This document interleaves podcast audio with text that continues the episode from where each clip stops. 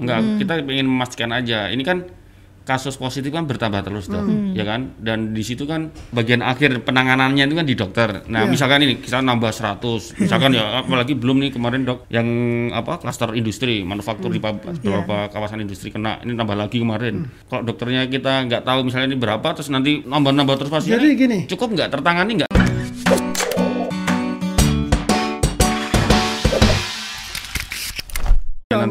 Kenapa saya bilang insya Allah? Bulan 3 kan kita mulai COVID positif kan? Ya. Ya, Mm, dan mm. bulan April akhir itu dari PB, PB itu kan pengurus besar di Jakarta, ya, udah bikin surat ke kita ke wilayah, mohon tiap wilayah siapkan second line dokter. Hmm. Jadi artinya apa? Kalau dokter yang saya bilang tadi bermasalah, ya, dokter lini kedua ini udah siap. Jadi itu kami udah latih 50 orang tuh dokter umum, 50 orang kita latih masing-masing rumah sakit kita. Jadi kalau tiba-tiba ini berhalangan mereka dokter umum yang naik.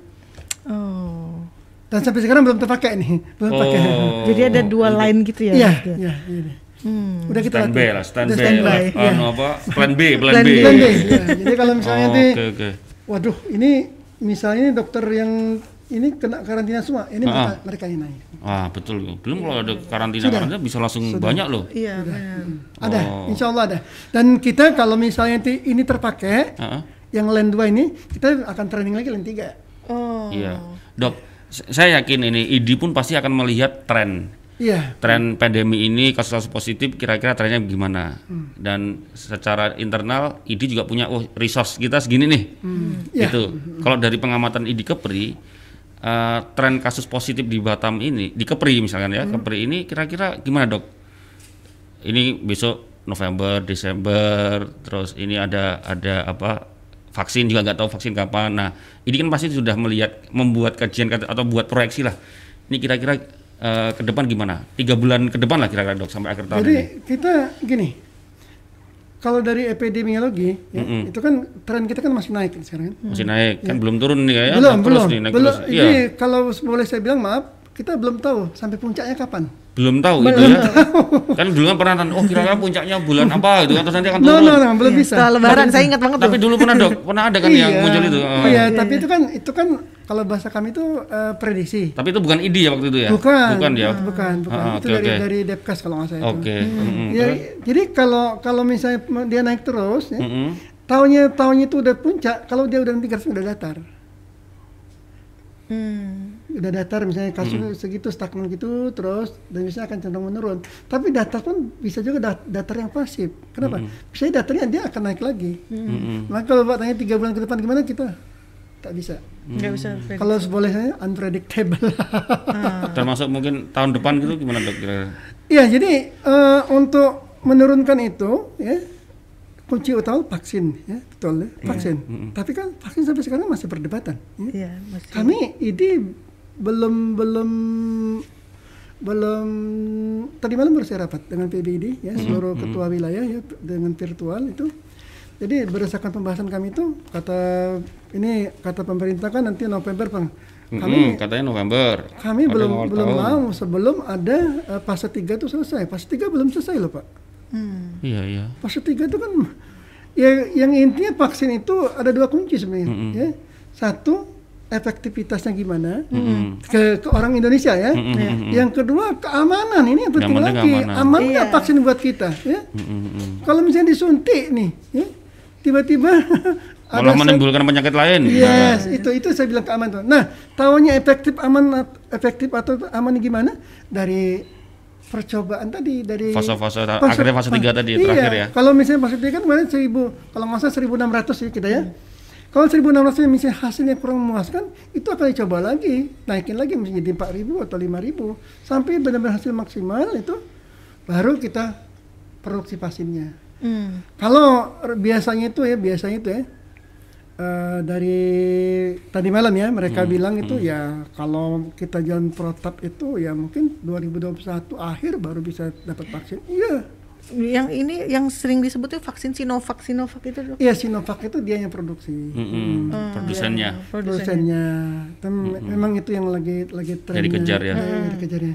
Cuman akan kan- ada berapa kita beli berapa vaksin dari beberapa negara ya dok ya, Iya. berapa produsen ya. Tapi kan varian vaksin itu kan belum tentu cocok sama varian Ini kasus Indonesia. Indonesia. Itu masalahnya. Hmm. Makanya vaksin itu harus coba dulu. Mm-mm, Iya, iya. mm-mm, Paham kan?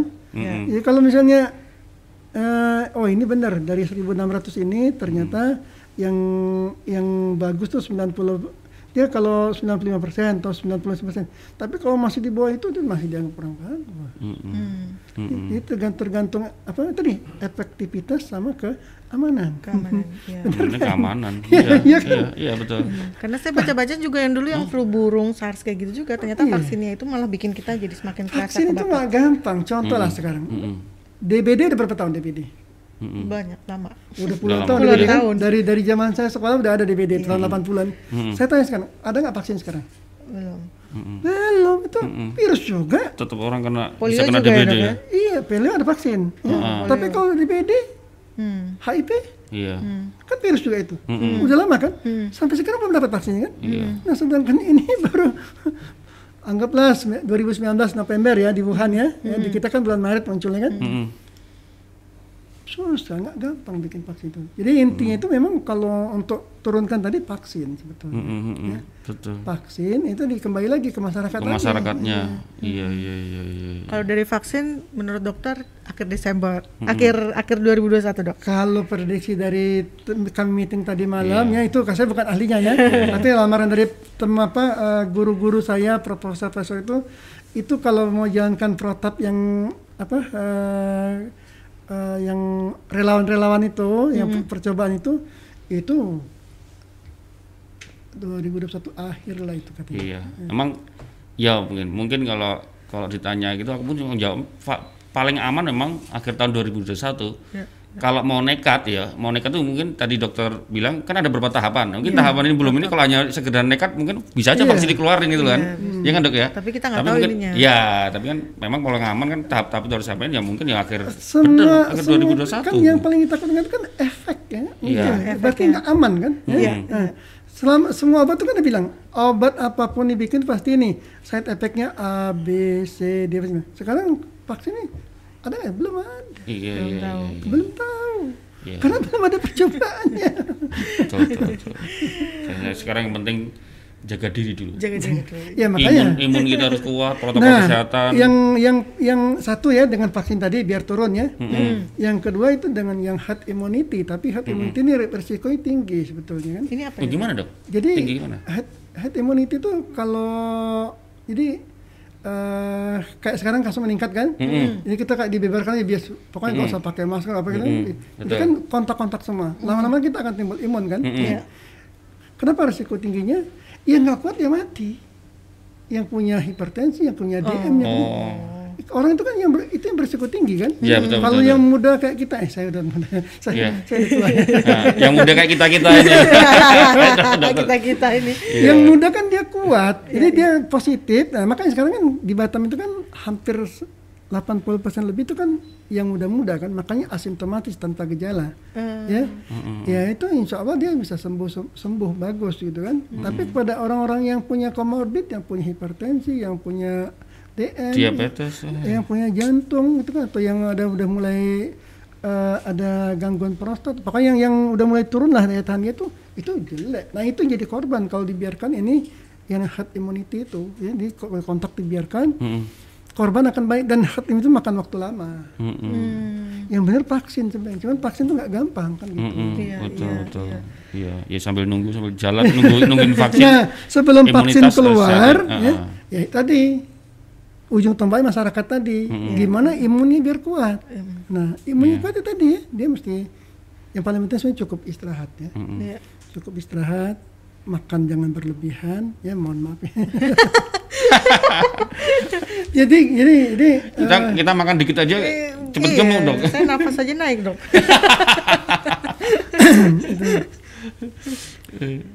jadi ini apa eh, benar-benar jaga protokol tadi Iya iya iya. Jadi kalau misalnya dia itu istirahat cukup, kerja cuma 8 jam satu hari, dia ada olahraga 30 lebih satu hari, tiga kali seminggu, dia apa makan apa makan buah, sayur teratur, terus stres itu faktor penyutur.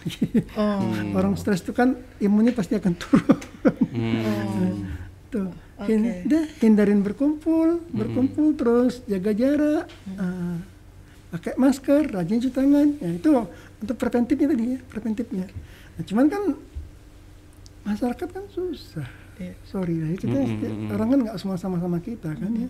Kita aja kadang-kadang kebablasan. Ya. Keluarga jauh datang, Iya. Iya, betul. betul kan? Nanti dibilang sombong dong. Bukan itu. Oh dia se- dia nampaknya sehat kok. Ya, padahal kan asimptomatis kan kita nggak tahu. Betul. betul. Tahunya dia sehat dia nggak covid kan kalau di swab. Iya. Mm, Apakah mungkin kalau setiap eh lo mau ketemu gue ya kita swab dulu ya kan nggak mungkin. Mm-mm. Iya iya iya. Dok di bulan Maret nih, Ah, ah. yang ID Kepri ini yang sempat eh, keluar-keluar Hmm. bahwa eh, nih APD kita juga belum terlengkapi kayak Mm, gitu. mm, mm, mm, Nah. ya kan tadi saya baca terus sama juga eh, bahwa pemberlakuan PSBB. Hmm. Nah emang dengan untuk ini satu-satu dulu dok, maksudnya APD memang sa- saat ini sudah Selama ini udah sudah ter- Alham- Alhamdulillah terpenuhi APD ya? sudah terpenuhi, stabil. sudah nakes ya? stabil. Sudah sudah. Oke. aman ya. Nah, kalau apa menurut nah, kita lanjut ke yang PSBB. Nah, menurut dokter dengan PSBB ini baru kita bisa berhasil keluar dari zona merah. Meskipun istilahnya di Batam mungkin apalah gitu Iya, kan. Maksudnya iya, terkait benar. dengan itu tuh rekomendasi ID. Itu Gimana, ya, Dok? itu kan kami bikin surat waktu itu kan ada tuh. Mm-mm. Iya. Jadi kalau dari hasil meeting kami di ID waktu itu, Batam ini kan sebenarnya daerah yang paling gampang kalau mau lockdown ya atau mau PSBB. Kenapa? Kita kan cuma laut, udara. Iya pulau ya kan kita Iya, ya. iya. Gampang kan? Ya. Jadi kalau waktu itu, waktu bulan Maret, bulan Maret saya keluarin surat ya, iya. ya, surat surat apa ya? Surat terbuka ya. Surat, Surat cinta surat cinta. dari ID. jadi kalau waktu diterapkan, jadi siapa pun yang masuk ke Batam, misalnya orang dari Jakarta nih, ya, lu masuk Batam, oke, lu belum boleh kayak Singapura, lu boleh belum bekerja, lu karantina dua minggu Hmm. di hotel atau di rumah, tapi lu bayar sendiri. Mm-mm. Jadi artinya apa? Orang masuk Batam tuh nggak ada.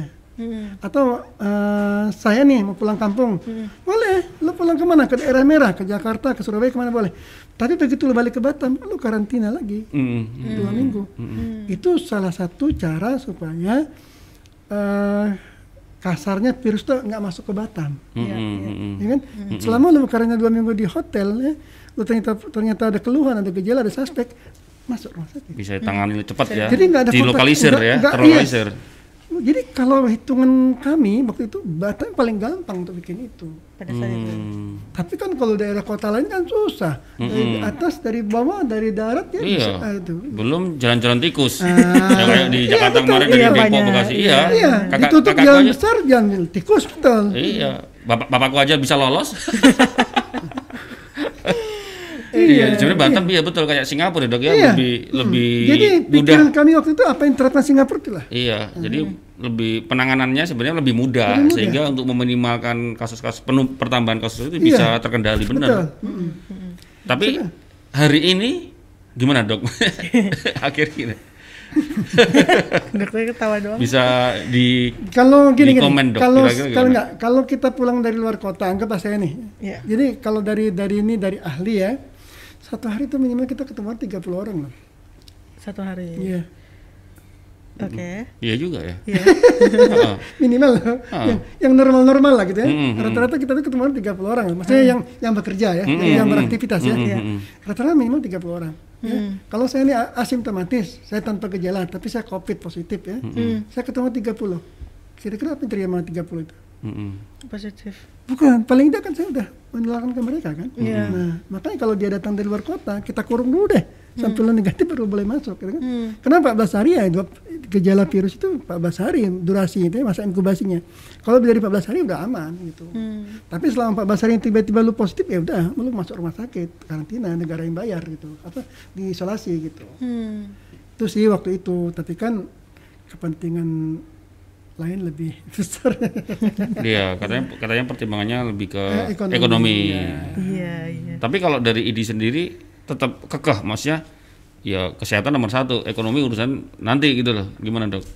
Jadi kalau kalau mau mau berhitung sekarang kalau misalnya bapak nih ya eh, positif covid tapi dengan bisnis bapak satu hari dapat eh, satu bulan saya dapat satu miliar pak pilih sehat tapi satu miliar Iya iya iya iya iya. iya.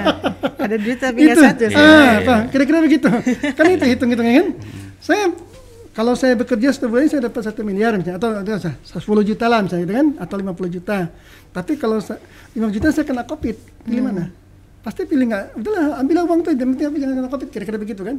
Nah, itu itu itu pola pikir ini waktu itu. Oh, Oke. Ini mau masuk. Ini kan tadi udah Mm-mm. dari bulan Maret sampai ini ya. Eh, mungkin ini nih saat ini juga kita lagi di masa pilkada ini loh mas. Heeh, betul. Mm-mm. Kemarin kan sempat, Kemarin sempat ya. ya di pusat pun kan juga tidak memberikan Iya, rekomendasi untuk pilkada jalan kan dok ya dari Jadi pusat pun ya. waktu itu waktu awal-awal saya bulan, bulan berapa ya pilkada itu awalnya? Bulan Juni kalau saya. Ya awalnya Juni. Juni kan? Juni. Sebelum Juni begitu Covid merebak, bulan Maret itu kan sempat hmm, jadi tapi waktu itu dari PB bikin statement jadi itu kan ini kan karena programnya nasional pilkada ini kan jadi disarankan teman-teman wilayah jangan bikin stand up statement apa pun biarkan PB yang bicara ke KPU Oh, ke KPU kan sempat ditunda kan? Mm-mm. nah tunda. Nah akhirnya entah gimana gimana Mendagri bikin lagi akhirnya dilakukan deh Desember. Mm-mm. tapi tetap juga ini kasih masukan juga ke KPU tapi terakhir tapi silent ya jawaban KPU itu kan permintaan Mendagri kita kami hanya operator Hmm. jadi jadi apa eh, ya jadi apa? Intinya pilkada nggak bisa ditunda. Oke kalau nggak bisa ditunda tetap saat pilkada nanti ada protokol kesehatan ya. protokol kesehatan tuh udah disepakatin ya. Gimana protokol udah tahu semua kan? Minimal sekian jarak sekian. Tapi yang dikhawatirkan itu implementasi di lapangan tuh siapa yang ngawasin? Nah, I- ID di di pilkada ini diberi tugas apa dok? Ada nggak supervisi? Misalnya di ini kemarin kan kita nggak nggak pernah dengar nih, maksudnya terkait kan kayak soal protokol kesehatan malah banyak di KPU, KPU Bawaslu malah ngawasin di di Bawaslu ikut ngawasin protokol, KPU buat aturan protokol. Iya. Kalau ID dikasih tugas supervisi nggak dok? nggak ada. Oke, Nggak oke. Kalau memang itu akhirnya di di KPU, di Bawaslu atau mungkin ter- termasuk dari calon sendiri untuk untuk mengawal terkait dengan protokol itu di selama pilkada, menurut dokter gimana dok? Aman nggak? Masih aman nggak? Masih resikonya gimana nih? Pengamatan dokter lah misalnya KPU. Kalau dari dari hasil ini rapat kami bersama ya sewilayah sama PB ya, kami mengkhawatirkan, tetap khawatir ya. tetap khawatir. Hmm. Sekarang saya tanya lagi, kan di preventif kita tetap kan pakai masker, cuci tangan, ya, jaga jarak. Terakhir apa nih? Jangan berkumpul kan? Iya. Iya. Sekarang saya tanya, saya kebetulan baru tahun lalu saya nggak ikut di apa panitia pengurus swasta nggak ikut tahun lalu. Ya. Ini pun saya nggak ikut lagi, ya, karena katanya di bawah, di bawah 50 kan saya di atas 50. Oke. Iya. Saya ngalamin tuh jadi ang- anggota PPS itu. Waktu nusuk nggak kumpul, tapi begitu berhitung Ngumpul. Ngumpul, Mm-mm. pasti kumpul. Ya kan? Apalagi tim ses segala macam. Nah sekarang yang ngawasin siapa? Bawaslu nggak akan sanggup ngawasi TPS sebanyak itu. Polisi juga nggak sanggup kan gitu kan. Nah itulah kekhawatiran kita itu berkumpulnya waktu penghitungan suara ini. Itu dikhawatirkan akan timbul klaster baru, dikhawatirkan karena berkumpulnya ini.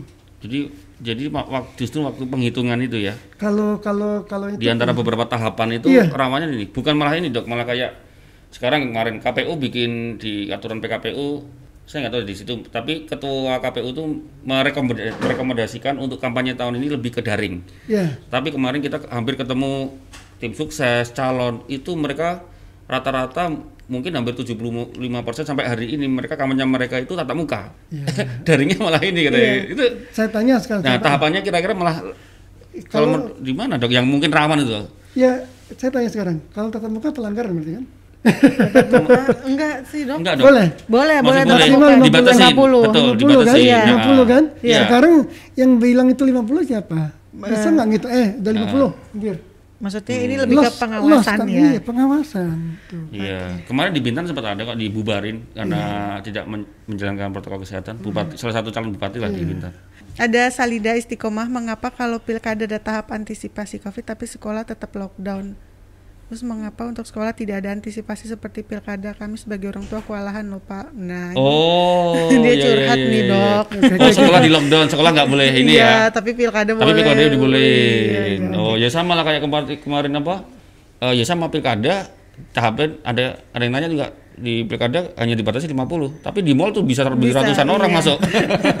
itu bukan bukan ranahnya dokter ya kan? bukan bukan, bukan. ini bukan, dia. bukan, bukan ranah dokter. Tapi Iya, iya, iya, tapi iya. kami ID ya termasuk ID tenang ID dibayangkan ada PB IDA ya. IDA itu Ikatan Dokter Anak Indonesia. Itu sangat menekankan tidak boleh sekolah langsung itu kenapa? Karena namanya anak-anak kan mana mungkin kita eh jangan berkumpul. Nggak bisa anak-anak nggak bisa. Iya, apalagi anak-anak ya. Jangan kan anak-anak anak mahasiswa pun juga nggak bisa mahasiswa di dalam kelas mungkin bisa mereka bisa jaga jarak begitu keluar nggak bisa Oke, Dok. Tadi kita ngobrol terkait dengan pilkada ini. Kalau dokter sampaikan kan, dokter mas, mas apa eh, dari ID ada kekhawatiran nih terkait dengan pilkada ya. Apa gak ada pilihan tetap sepertinya ini akan mau jalan terus nih, Dok. betul Nah, tapi bagaimanapun juga, apalagi dokter ini punya background dokter yang berbeda, maksudnya terkait dengan preventif, mitigasi, itu apa yang disiapkan ID ketika ini pilkada nanti jalan nih? Ada ada program-program apa? Misalkan, oh dokternya ditambah misalkan, atau APD-nya untuk dokter ini karena mungkin kalau saya sih menangkapnya ini dokter punya kita punya feeling kayaknya ini pasti akan akan ada klaster baru nih pilkada ini. Ya. Klaster ini, ini baru. kalau salah dikoreksi dok. Jangan, Nah, jangan. Kita eh, gimana? Kita nggak bilang itu. Memang dikhawatirkan. Dikhawatirkan. Dikhawatirkan akan timbul klaster baru. Oke. Terus apa yang dilakukan ID? Kenapa? itu? Kenapa? Kan ingat pemilu yang lalu, Mm-mm. waktu pemilu legislatif pilpres Oke, 2019 kemarin. mm. 2019, yang lima tahun yang lalu juga banyak yang anggota KPU yang meninggal. Ah, sorry, ah, Yang yang pilpres kemarin ya. pilpres sedikit ya. Mm-mm. Pileg yang kalau nggak 2014 ya. Du- yang, paling banyak 2009 kemarin, 2019 kemarin, Dok. yang meninggal. Mm-mm. Iya. Mm-mm. Nah, itu yang kan petugas-petugas itu. Kenapa? Itu tadi karena faktor keletihan, capek ya. Faktor letih, capek, beban kerja kan sampai sampai malam gitu kan. Nah, kan saya bilang tadi, ini kan juga gitu kan. Mereka kan akan capek kan. bukan bukan petugasnya aja, tim saya juga akan capek kan.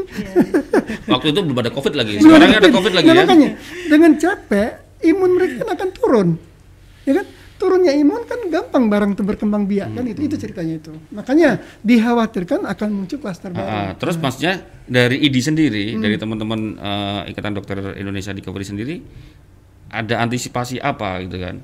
Maksudnya apa apa sih yang dilakukan gitu? Apakah eh, standby nanti di itu mungkin beda lagi dulu kalau Oh, dulu kan enggak. Kalau kalau gini pasti kan ada yang spesial dok, maksudnya yang dilakukan oleh ada ada sesuatu yang khusus lah, custom lah setelah pilkada nanti lah. Jadi jadi kita kan berdasarkan kerja kan berdasarkan sebenarnya kan kami hilir ya, hilir ya. Oke, Ya, oke, hilir oke. kan kalau misalnya case-nya makin banyak ya, Ya hilir. kami garda yang nomor berarti akan naik itu akan kita siapkan Oh. gitu. Tapi kita kan nggak mau nggak mau eh ini pasti naik loh, kita harus siap nggak nggak mau kami nggak mau juga Oke. itu. Ah, Iya iya. iya. nggak nggak boleh. Oke mas. Mm, mm, mm. Oke.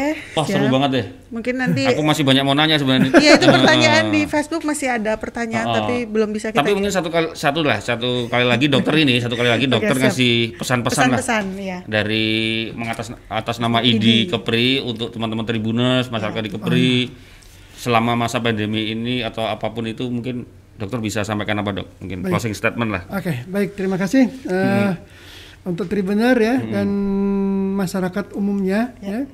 Jadi eh, COVID itu ada ya, jangan bilang hoax lagi COVID itu ada dan sampai sekarang vaksinnya belum ada. Jadi suka tak suka kitalah yang menjaga diri kita sendiri ya, bukan Kita. bukan dokter ya, kita ya. Artinya masyarakat ya. Eh, kalau masyarakat menjaga tetap apa jalankan pakai masker, cuci tangan, jaga jarak, jangan berkumpul. Minimal itu kita bisa memutuskan rantai penularan. Akhirnya nanti case-nya akan turun. Kalau case-nya turun berarti kita lebih apa? lebih aman ya untuk beraktivitas. Siap. Siap. Semuanya dimulai dari kita. Yes. Ya. Ya, dimulai dari masyarakat, Mm-mm. dimulai dari diri sendiri. Mm-mm. Jangan nanti semuanya dilimpahkan ke dokter kasihan ya.